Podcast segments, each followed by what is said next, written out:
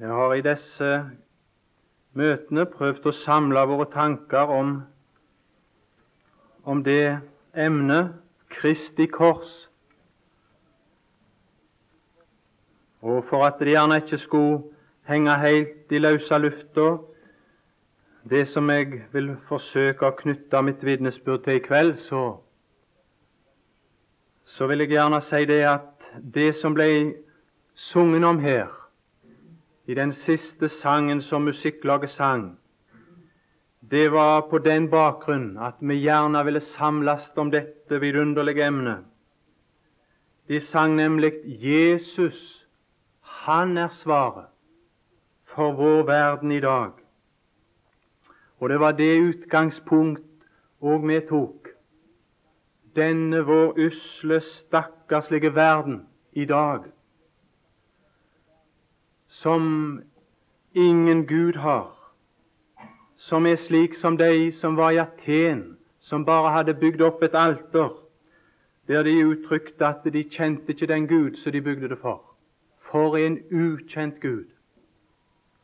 Der, der byen var smikkende full av avgudsbilder. Og slik er vår verden i dag. Full av vrange forestillinger og feil tankebilder om den evige Gud. Så vi, vi var ikke kommet sammen for å ha et sånt alter, der vi skulle løde ned med våre offer. Nei, vi skulle være samla under dette syn at vi har en kjent Gud gjennom det alter som Golgata kors representerer for oss. Og det kunne bare skje ved at Guds elskede sønn steg her ned. For når Paulus var der i Aten og proklamerte en kjent Gud gjennom at Gud hadde gjort seg kjent ved å bære omkostningene for det offer i den mann som var proklamert, så var den mann ikke bare en mann, men han var Gud åpenbart i kjød. Og så kom han og steig ned ifra guddommens høyeste høyder ned til Golgatas dypeste ved. Og det, det var ikke noen tilfeldigheter, det var ikke et slumpetreff, en samling av visse tilfeldigheter, men det var etter Guds besluttede råd. Etter hans profetiske ord så skjedde det. Og så døde den Herre Jesus der. Og når han døde, så var det dette vi har vært samlet om, at han bar våre synder på sitt legeme oppe på treet. Han bar de. Han bar straffen. Han tok det alt, og så er jeg befria. Fullkomment befridd ifra all straff og dom for min synd. Er ikke det en vidunderlig velsmakende frukt ifra dette tre, korsets tre? Har du smakt den frukt av Kristi kors? At dine synder og skyld og straff for dine synder, det er båret bort. Det tok han bort. Men ikke bare det. Gud hadde et, et annet for seg òg når han sendte sin sønn til det sted, når han i guddommelig kjærlighet ble løfta opp på Golgata, så var det òg med dette for øye at du skulle ha evig liv. At du skulle ha dette liv så du kunne ha samfunn med denne Gud, som har åpenbart seg gjennom Kristi kors. Men så, så tenkte vi og så var vi samla litt om denne sannhet som Galaterbrevet nevner for oss og forkynner så klart for oss. Jeg er korsfestet med Kristus. Jeg lever ikke lenger selv. Ikke bare har den Herre Jesus tatt dommen på seg, men han hadde, han hadde kvitta seg med meg. Jeg som dommen hang over, jeg var fjerna i den død. Han gjorde ende på min historie som et Adams avkom, som et naturlig menneske. Han gjorde ende på det. Jeg har ikke noe videre historie som sådan. Den ble endt der. Og jeg er iblant de som er i Kristus, som er i en ny skapning for Gud. Vidunderlige sannhet, frigjørende sannhet. Jeg lever ikke lenger selv. Evangeliet som Bibelen forkynner oss, det er ikke et sånt evangelium at du skal få en dag i morgen med en ny sjanse. Du har mislykkes i dag. Og så er det at du skal få én sjanse til, kanskje. Skal få bli om et nytt blad, så skal du få forsøke det på ny. Nei, heldigvis. Ellers så hadde frimodigheten snart vært borte. Hvem torde nærme seg den evige da? Men i erkjennelsen av dette jeg er korsfestet med Kristus. Jeg lever ikke lenger selv. Jeg er antatt i Guds elskede Sønn på en fullkommen og evig måte. Det er vidunderlig. Det som jeg ville lese for dette møtet, det finner vi i Romerbrevet, det sjette kapittel, og det er bare det sjette vers vil jeg lese. Og det kan vi si er en videre følge av denne sannhet som jeg sist nevnte. Det er mer omfattende kanskje en annen side. Men det er dette som står der i Romerbrevet 6 og det sjette vers. Knut Arne var inne på det en kveld, men jeg vil understreke det i kveld igjen. Romerbrevet, det sjette kapittel og det sjette vers. Da vi jo vet dette, at vårt gamle menneske ble korsfestet med ham for at syndelegemet skulle bli tilintet, så vi ikke mer skal tjene synden. For den som er død, er rettferdiggjort fra synden.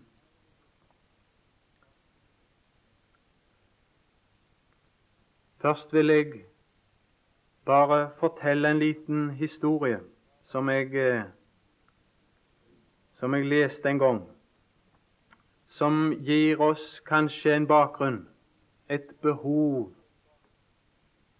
som viser betydningen av denne sannhet som vi nå har lest fra brevet til romerne. Det var nemlig en, en troende mann som følte dette, at denne verden er så vond.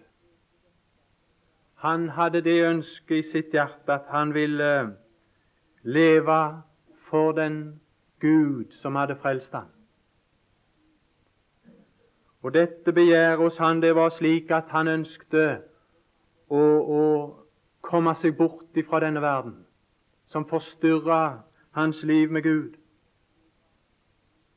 Og så tok han seg på å bygge seg ei hytte langt ute i en skog, så han skulle komme seg bort ifra denne verden. Så han skulle slippe påkjenningen,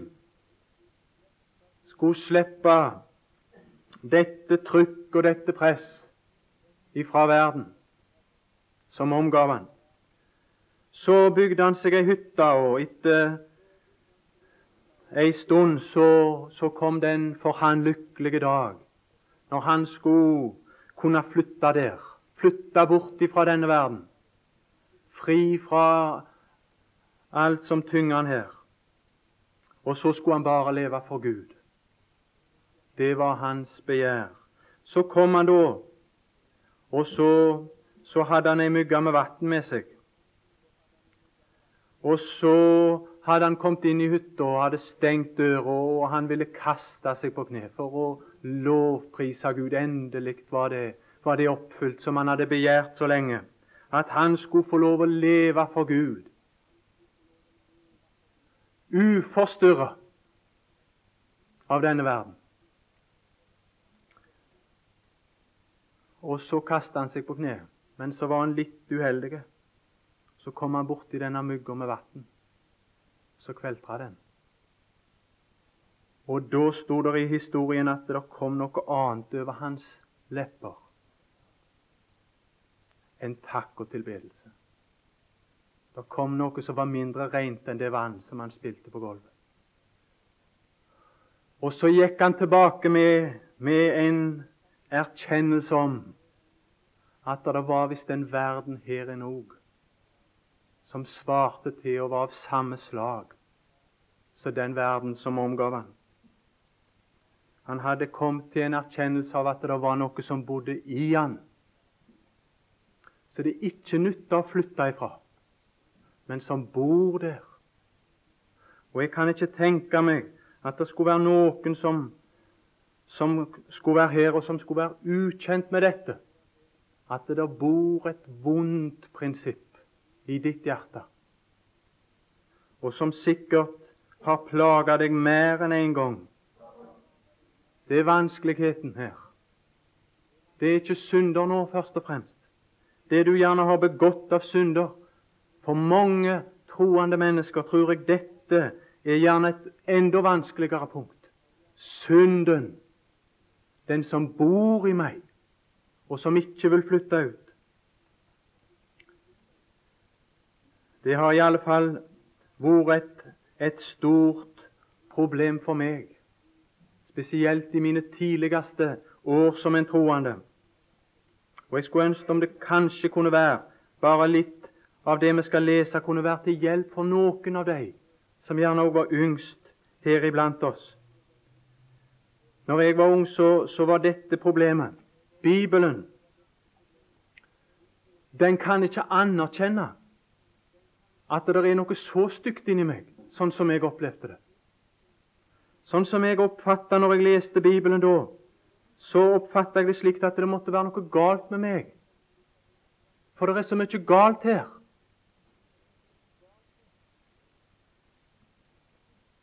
Og det stemmer ikke med Bibelen.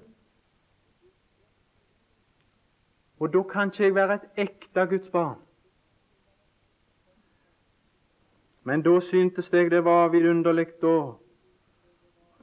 å bli kjent med den sannhet at Bibelen anerkjenner det, at det bor et sånt vondt prinsipp i oss. Selv om vi er født av Gud, så, så sier Bibelen at det bor fremdeles noe sånt i oss. Og det, bare det lille var en frigjørende sannhet for meg. Det er ikke uoverensstemmende med Bibelen om du opplever at det er noe galt her. I Johannes det tredje kapittel så står det slik I det sjette vers sier den Herre Jesus Så det er ikke bevis på at du ikke er født på ny, om du kjenner det slik. Der står 'det som er født av kjødet', er kjød.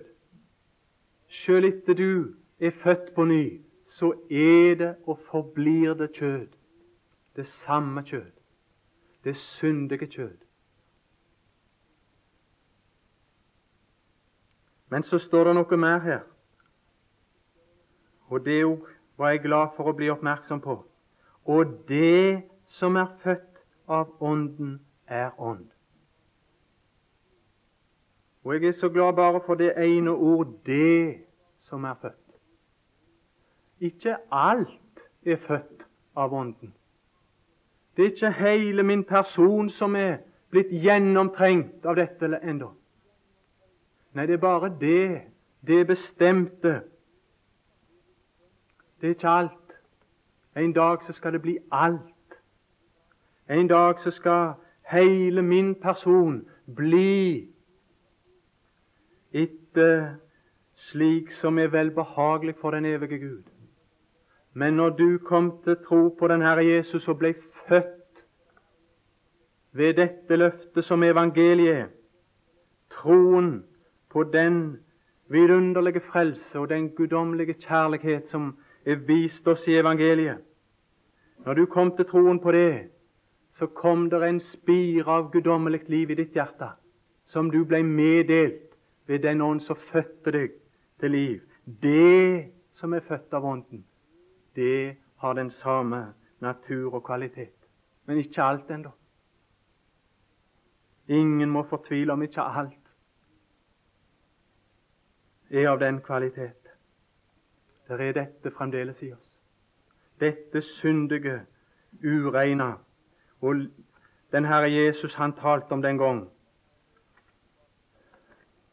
La oss lese òg det. Kanskje det kunne være til en eller annen av de yngre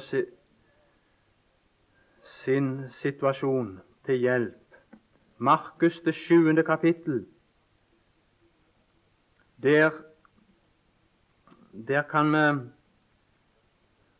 lese i det 21. vers først at det er ei kilde som er urein i oss, og det fikk den mann oppleve. Og det får enhver oppleve for det er sannheten om oss. For innenfra, fra menneskenes hjerte, kommer de onde tanker. Det er en urein kilde i ditt hjerte, i mitt hjerte, og der veller det noe fram. Det er ikke slik som gjerne mennesker vil lære oss, at det er omstendighetene det kommer an på. Det sies så mye i vår tid. Det er ikke Mennesket er i grunnen ikke så verst. Men mennesket er stakkars ofte gjenstand for dårlig selskap og dårlige omgivelser. Det er ikke bare Det er mest miljø.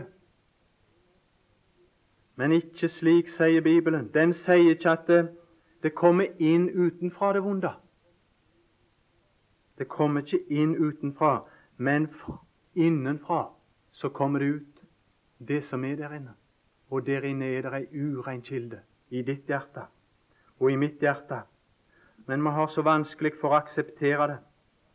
For å akseptere denne sannhet. Og den Herre Jesus, han sa, når han hadde sagt dette, så sa han om noen har ører å høre med, han hører. Det er ikke alle som har ører til å høre dette. Men det er godt å høre det er godt å høre at Bibelen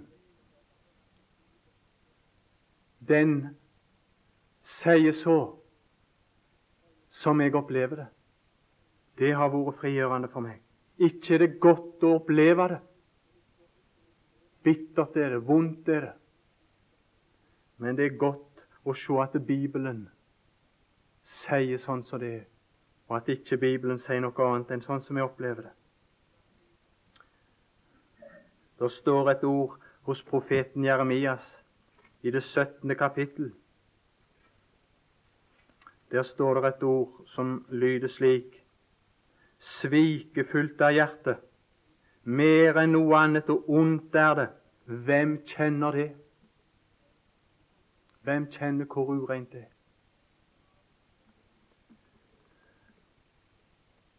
Så vi må ikke bli overraska vi må ikke bli forundra. Vi burde ikke bli skuffa når vi opplever det som Bibelen sier bor i oss. Hvorfor blir du skuffa? Når er det vi blir skuffa? Det er når vi har forventninger til noe, så svarer det ikke til forventningene. Blir du skuffa når det kommer noe vondt ifra ditt hjerte? Ifra din vonde, syndige natur. Det måtte være fordi du hadde forhåpninger, forventninger. Du regna med at det, Bibelen sa, det kunne ikke være virkelig så. Jo, det er virkelig så, og det er smertefullt å måtte komme til erkjennelsen av at Bibelen taler sant. Men da, når en har kommet til den smertelige erkjennelse som det, som det er for oss, så er det vidunderlig, synes jeg, vidunderlig frigjørende å kjenne Kristi kors. Hvordan Gud har behandla dette i Kristi kors. At han har tatt seg av det spørsmålet òg. Det står om kjødet, det syndige kjød, den vonde natur og det vonde prinsipp som bor i oss, at det har Gud behandla. I det åttende kapittelet i Romerbrevet og i det tredje verset står det og fordømte synden i kjødet. Hvor frigjørende, vidunderlig er det ikke å erkjenne dette, at det allerede har mottatt sin fordømmelse. Den synd som bor i mitt kjød, den fordømmelsen, den falt når Kristus hang på Golgata kors. Det er, er skjedd en fullkommen dom, en fullstendig dom, en tilstrekkelig dom over synden i kjødet. Du behøver ikke legge noe til det. Det er ikke noe som gjenstår som du skal legge til. Ikke den djupeste anger ikke den mest alvorlige omvendelse, ikke den mest inderlige bot som du kan gjøre, kan legge noe til i dette stykket. Den har synden i kjødet har mottatt sin fulle dom i Kristi død. Og det som er vårt å erkjenne i den forbindelse, det står i Galaterbrevet, det femte kapittel og det 24. vers. Der står det slik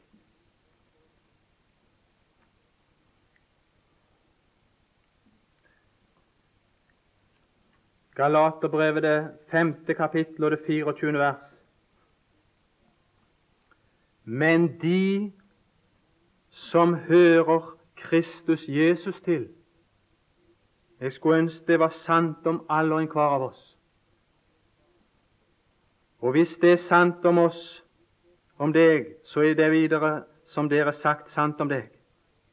Men de som hører Kristus Jesus til, har korsfestet kjødet med dets lyster og begjæringer. Det har mottatt sin fordømmelse. Det har fått sin dom og tilsidesettelse i Kristi kors. Skal vi da vente noe godt derifra? Skal vi prøve å, å, å dyrke og kultivere det for å få noe godt ut av det? Det som Gud har forkasta. Naturen, den var vonde. Men ikke bare er naturen vonde. Og ikke bare har Gud behandla det og ordna det for oss, men det som vi leste herifra, Romerbrevet det sjette kapittelet, synes jeg legger vekt på en annen sannhet, en litt annen side. Det er ikke bare den vonde natur, men der står det om det gamle mennesket. Det står ikke at vi skal akte oss som døde for kjødet. Det står ikke at kjødet er dødt. Men det står at det gamle mennesket er korsfesta, og så er det personen som er kommet ut av dette. Det synes jeg er en vidunderlig sannhet. Og det er dette òg vi skulle erkjenne. Ikke bare at det er dette syndige kjøtt i oss, men slik som det sto her, det gamle mennesket Vårt gamle menneske ble korsfestet med ham. Selve personen som hadde denne natur, ble korsfesta, fant sin fordømmelse der i Kristi kors. Ikke at du skal korsfeste det, ikke at du bør, ikke at det blir korsfesta daglig, kanskje, det står ikke det. Det står ikke 'blir', det står 'ble'. da vi jo vet dette, og det, denne viten og denne erkjennelse, den er frigjørende, at vårt gamle menneske ble korsfestet med ham, sånn at personen duer ut av det. Og det står da i det ellevte vers således skal også dere akte dere. Personen er fri fra det, kan akte seg som fullstendig fri fra det. Og det er det som er følgen her, og konsekvensen av at dette gamle mennesket er korsfesta, det er det som står i det sjuende vers. Den som er død, er rettferdiggjort fra synden. Og det, det er noe vidunderlig. Det er mer omfattende enn det som Paulus har talt om litt tidligere i Romerbrevet. At vi er, at vi er rettferdiggjort ifra våre synder. Det er langt mer enn det. Her er det ikke rettferdiggjort ifra våre synder, men her er det den som er død, er rettferdiggjort fra synden. Fordi vårt gamle menneske ble korsfestet med ham. Den person som hadde dette prinsippet i seg, denne vonde natur, og var ett med den, den person har unnflytt. Han er død. Og ved at han er død, så er han rettferdiggjort fra synden. Du kan ikke, du kan ikke gå på en, på en kirkegård og så anklage en av de som ligger der, for at han har lyster og begjær, syndige og vonde tanker. Det kan du ikke. Og hvor den plass som vi i tro skulle innta til synden, det var dette at det som, som ett med denne vonde natur, så er vi fordømt. Så er vi korsfesta. Og dermed er vi døde, og dermed er vi rettferdiggjort fra synden. Juridisk frikjent for vår forbindelse med dette. Det synes jeg er vidunderlig. Ikke bare frikjent for det du har begått, men for en vidunderlig befrielse det er å se seg juridisk befria fra alt dette her. Så det er ingen anklage kan rettes mot deg på den måten. Det er vidunderlig. Når det er sant, så, så er ikke det der med slutt. Men da kommer den positive, vidunderlige sida. Nå, nå, nå, er vi fri det. Nå er vi juridisk fri for det. Da kan vi finne vår plass der som nå vår plass er. Og det er ikke lenger i kjødet. Det står der i det ellevte vers. Således skal også dere akte dere som døde for synden, men levende for Gud i Kristus Jesus. Det er der vi er nå. Vi er ikke lenger identifisert med det som var vår vonde natur. Min person er ikke lenger identifisert med det overfor Gud. Jeg står ikke ett med det overfor Gud lenger. Både det vonde som bor i meg, og de vonde frykter har jeg blitt juridisk frikjent ifra. Og så har jeg funnet min plass identifisert med Kristus Jesus. Akte dere som levende for Gud i Kristus Jesus.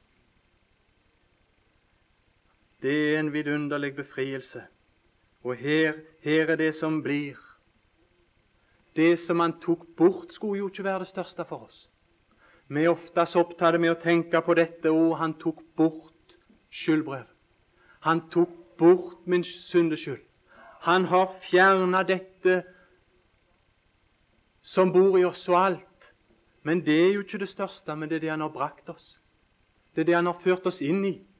Og det han har ført oss inn i, det er dette at vi skulle være levende for Gud i Kristus Jesus. Dette er vår plass. Her var det vi skulle akte oss. Her skulle vi finne vår plass. Her skulle vi glemme oss i å være opptatt med dette som er ført til for Guds åsyn i Kristus Jesus, i den nye skapning. En ting til vil jeg, vil jeg nevne i forbindelse med Kristi kors. Det går gjerne litt fort, men jeg vil ta det med. Det er fra Korinterbrevet. Første Korinterbrev, og der i det første kapittel, der igjen er tema, det sentrale, som Paulus bringer fram der for å møte den tilstand som der herska, det var korset. Det var Kristi kors. Og jeg har ikke tid til å, å skissere opp for deg sånn som tilstanden var her i denne menighet. Men ett var sikkert, at de roste seg av mennesker. Noen hylla den personen, og andre hylla den personen, og regna med at den eller hin skulle kunne bidra med sin visdom og store, sin store forstand og intellekt med noe. Så de roste seg av mennesker. Men da brakte Paulus korset inn. Og skulle ikke det kunne òg være noe for oss? Mennesket i kjødet er tilsidesatt, ikke bare i sin last, ikke bare med det verste, men med det beste. Med det som et menneske kan rose seg av. Med sitt intellekt og sin forstand er vi tilsidesatt. Ingenting kan vi bidra med. De hadde visdom og nok der i Korint. De hadde vise ord nok der. Men de vise tanker som kom ifra et menneskes hjerte, som fjerner seg ifra Guds fullkomne åpenbaring i Bibelen, det er bare mørke tanker. Det er bare vonde tanker. De rette og de gode tanker og det som er visdom, det har vi her. Kristi kors har ikke bare fjerna kjødet på sitt beste, men òg på sitt beste. Alt. Grunnen er rydda her i første Korinterbrev 1. Og så ender det med Jeg skal ikke ta mer tid. Det ender med dette i det 29. vers. I Kristi kors er sjøl menneskets visdom brennmerka. Det står her i, i kapitlet ettersom verden ikke ved sin visdom kjente Gud i Guds visdom. Den visdom hadde bare brakt de lenger bort fra Gud. Det måtte tilsidesettes. Ikke som Paulus sier i det andre kapittelet her, når han talte om disse ting, så var det ikke med ord som menneskelig visdom lærer. Tilsidesatt. Hvor måtte det komme fra? Ja, det var ikke noe som var opp rundt i et menneskes hjerte. Det måtte komme ved åpenbarelse fra Gud. Og så har vi det der i det 29. vers. Hensikten med at han bringer korset inn, det er for at intet kjød, som ei kalles form og skikkelse, det framtrer, skal rose seg for Gud. Og så kommer det. Men av ham. Da var grunnen rydda. Da kunne han opplate det som Paulus hadde fått ved åpenbaring fra Gud. Men av ham er dere i Kristus Jesus, som er blitt oss visdom fra Gud. Og denne visdom fra Gud, den har vist seg å være i stand til å møte ditt behov. Til å møte oss i vårt sanne behov etter Guds vurdering av vårt behov. Og ikke bare møtt vårt behov, men etter sin herlighet fylt det. Så resultatet blir i det 31. vers den som roser seg, han roser seg i Herren. Så vi har fått noe gjennom Guds visdom åpenbart i den Herre Jesus.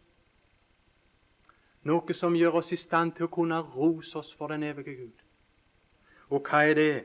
Jo, visdommen den har åpenbart seg i, i disse tre ting rettferdighet. Hva var ditt største behov? Rettferdighet. Han har møtt det. Og det vidunderlige er at du bør ikke ynke deg at ikke du er som Paulus, at ikke du er like brennende som Peter var, at ikke du gjerne er like elskelig som Johannes apostelen var. Kristus er vår rettferdighet, og han er like mye min rettferdighet som han var Paulus sin rettferdighet.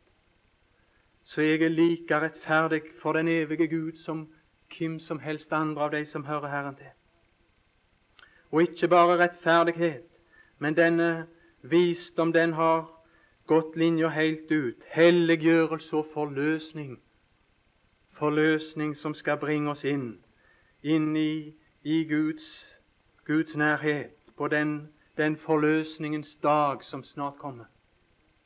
Når Han skal forløse oss og bringe oss inn i sin evige herlighet. Skulle ikke dette være noe for deg, om du skulle være som ikke var frelst? Dette synes jeg i alle fall. Dette er en kraft til frelse fra innflytelse av verslig visdom, av menneskers visdom. Å, hvor vidunderlig det er å få åpne opp for oss noe av Guds ressurser, de som Han hadde opplagra i den Herre Jesus, som kunne fullkomment møte mitt djupe behov på en fullkommen måte. Det kan møte ditt behov. Har den Herre Jesus han som har satt alt inn på å nå ditt hjerte, har han fått møtt ditt behov. Han kjenner ditt behov. Han kan fylle ditt behov. Ikke bare etter dine ønsker, men langt, langt over alt det du kunne tenke deg og forestille deg. Skulle du være her som til denne dag ikke har trodd på den Herre Jesus, måtte du kaste deg for Hans åsyn Intet kjød. Du har ingenting å bidra med. Han kjenner deg. Han har tilsidesatt alt annet, og så har han brakt inn sitt, og det skal bestå. Vil du ha hans? Du kan få det. Få det kun ved å ta imot evangeliet i tro. Skal vi be. Herre Jesus, vi som er kommet til troen på deg, ved din underfulle inngripen i vårt liv, at du, du drog oss hen til deg ved at du åpenbarte deg for oss. Kunne det skje òg for noen her i kveld? Kunne det skje først og fremst for din skyld, du som har bidratt med alt her, vi som ikke har bidratt med noe annet enn våre synder. Herre Jesus, du, du du måtte ta det alt. Dere har bare trettet meg med deres misgjerninger. Det var vårt bidrag. Men å, vi tilber og beundrer deg, evige Gud, for det som du hadde i reserve, det som du hadde på forhånd etter ditt vise råd, beredt til vår frelse, til vår evige salighet, så vår salighet skulle bli å rose oss av å kjenne deg og være i den Herre Jesus. Måtte det være sant om alle som var her. Vi ber om det, først og fremst for din skyld, og for den sjel som måtte være her og ikke er frelst. I ditt navn. Amen.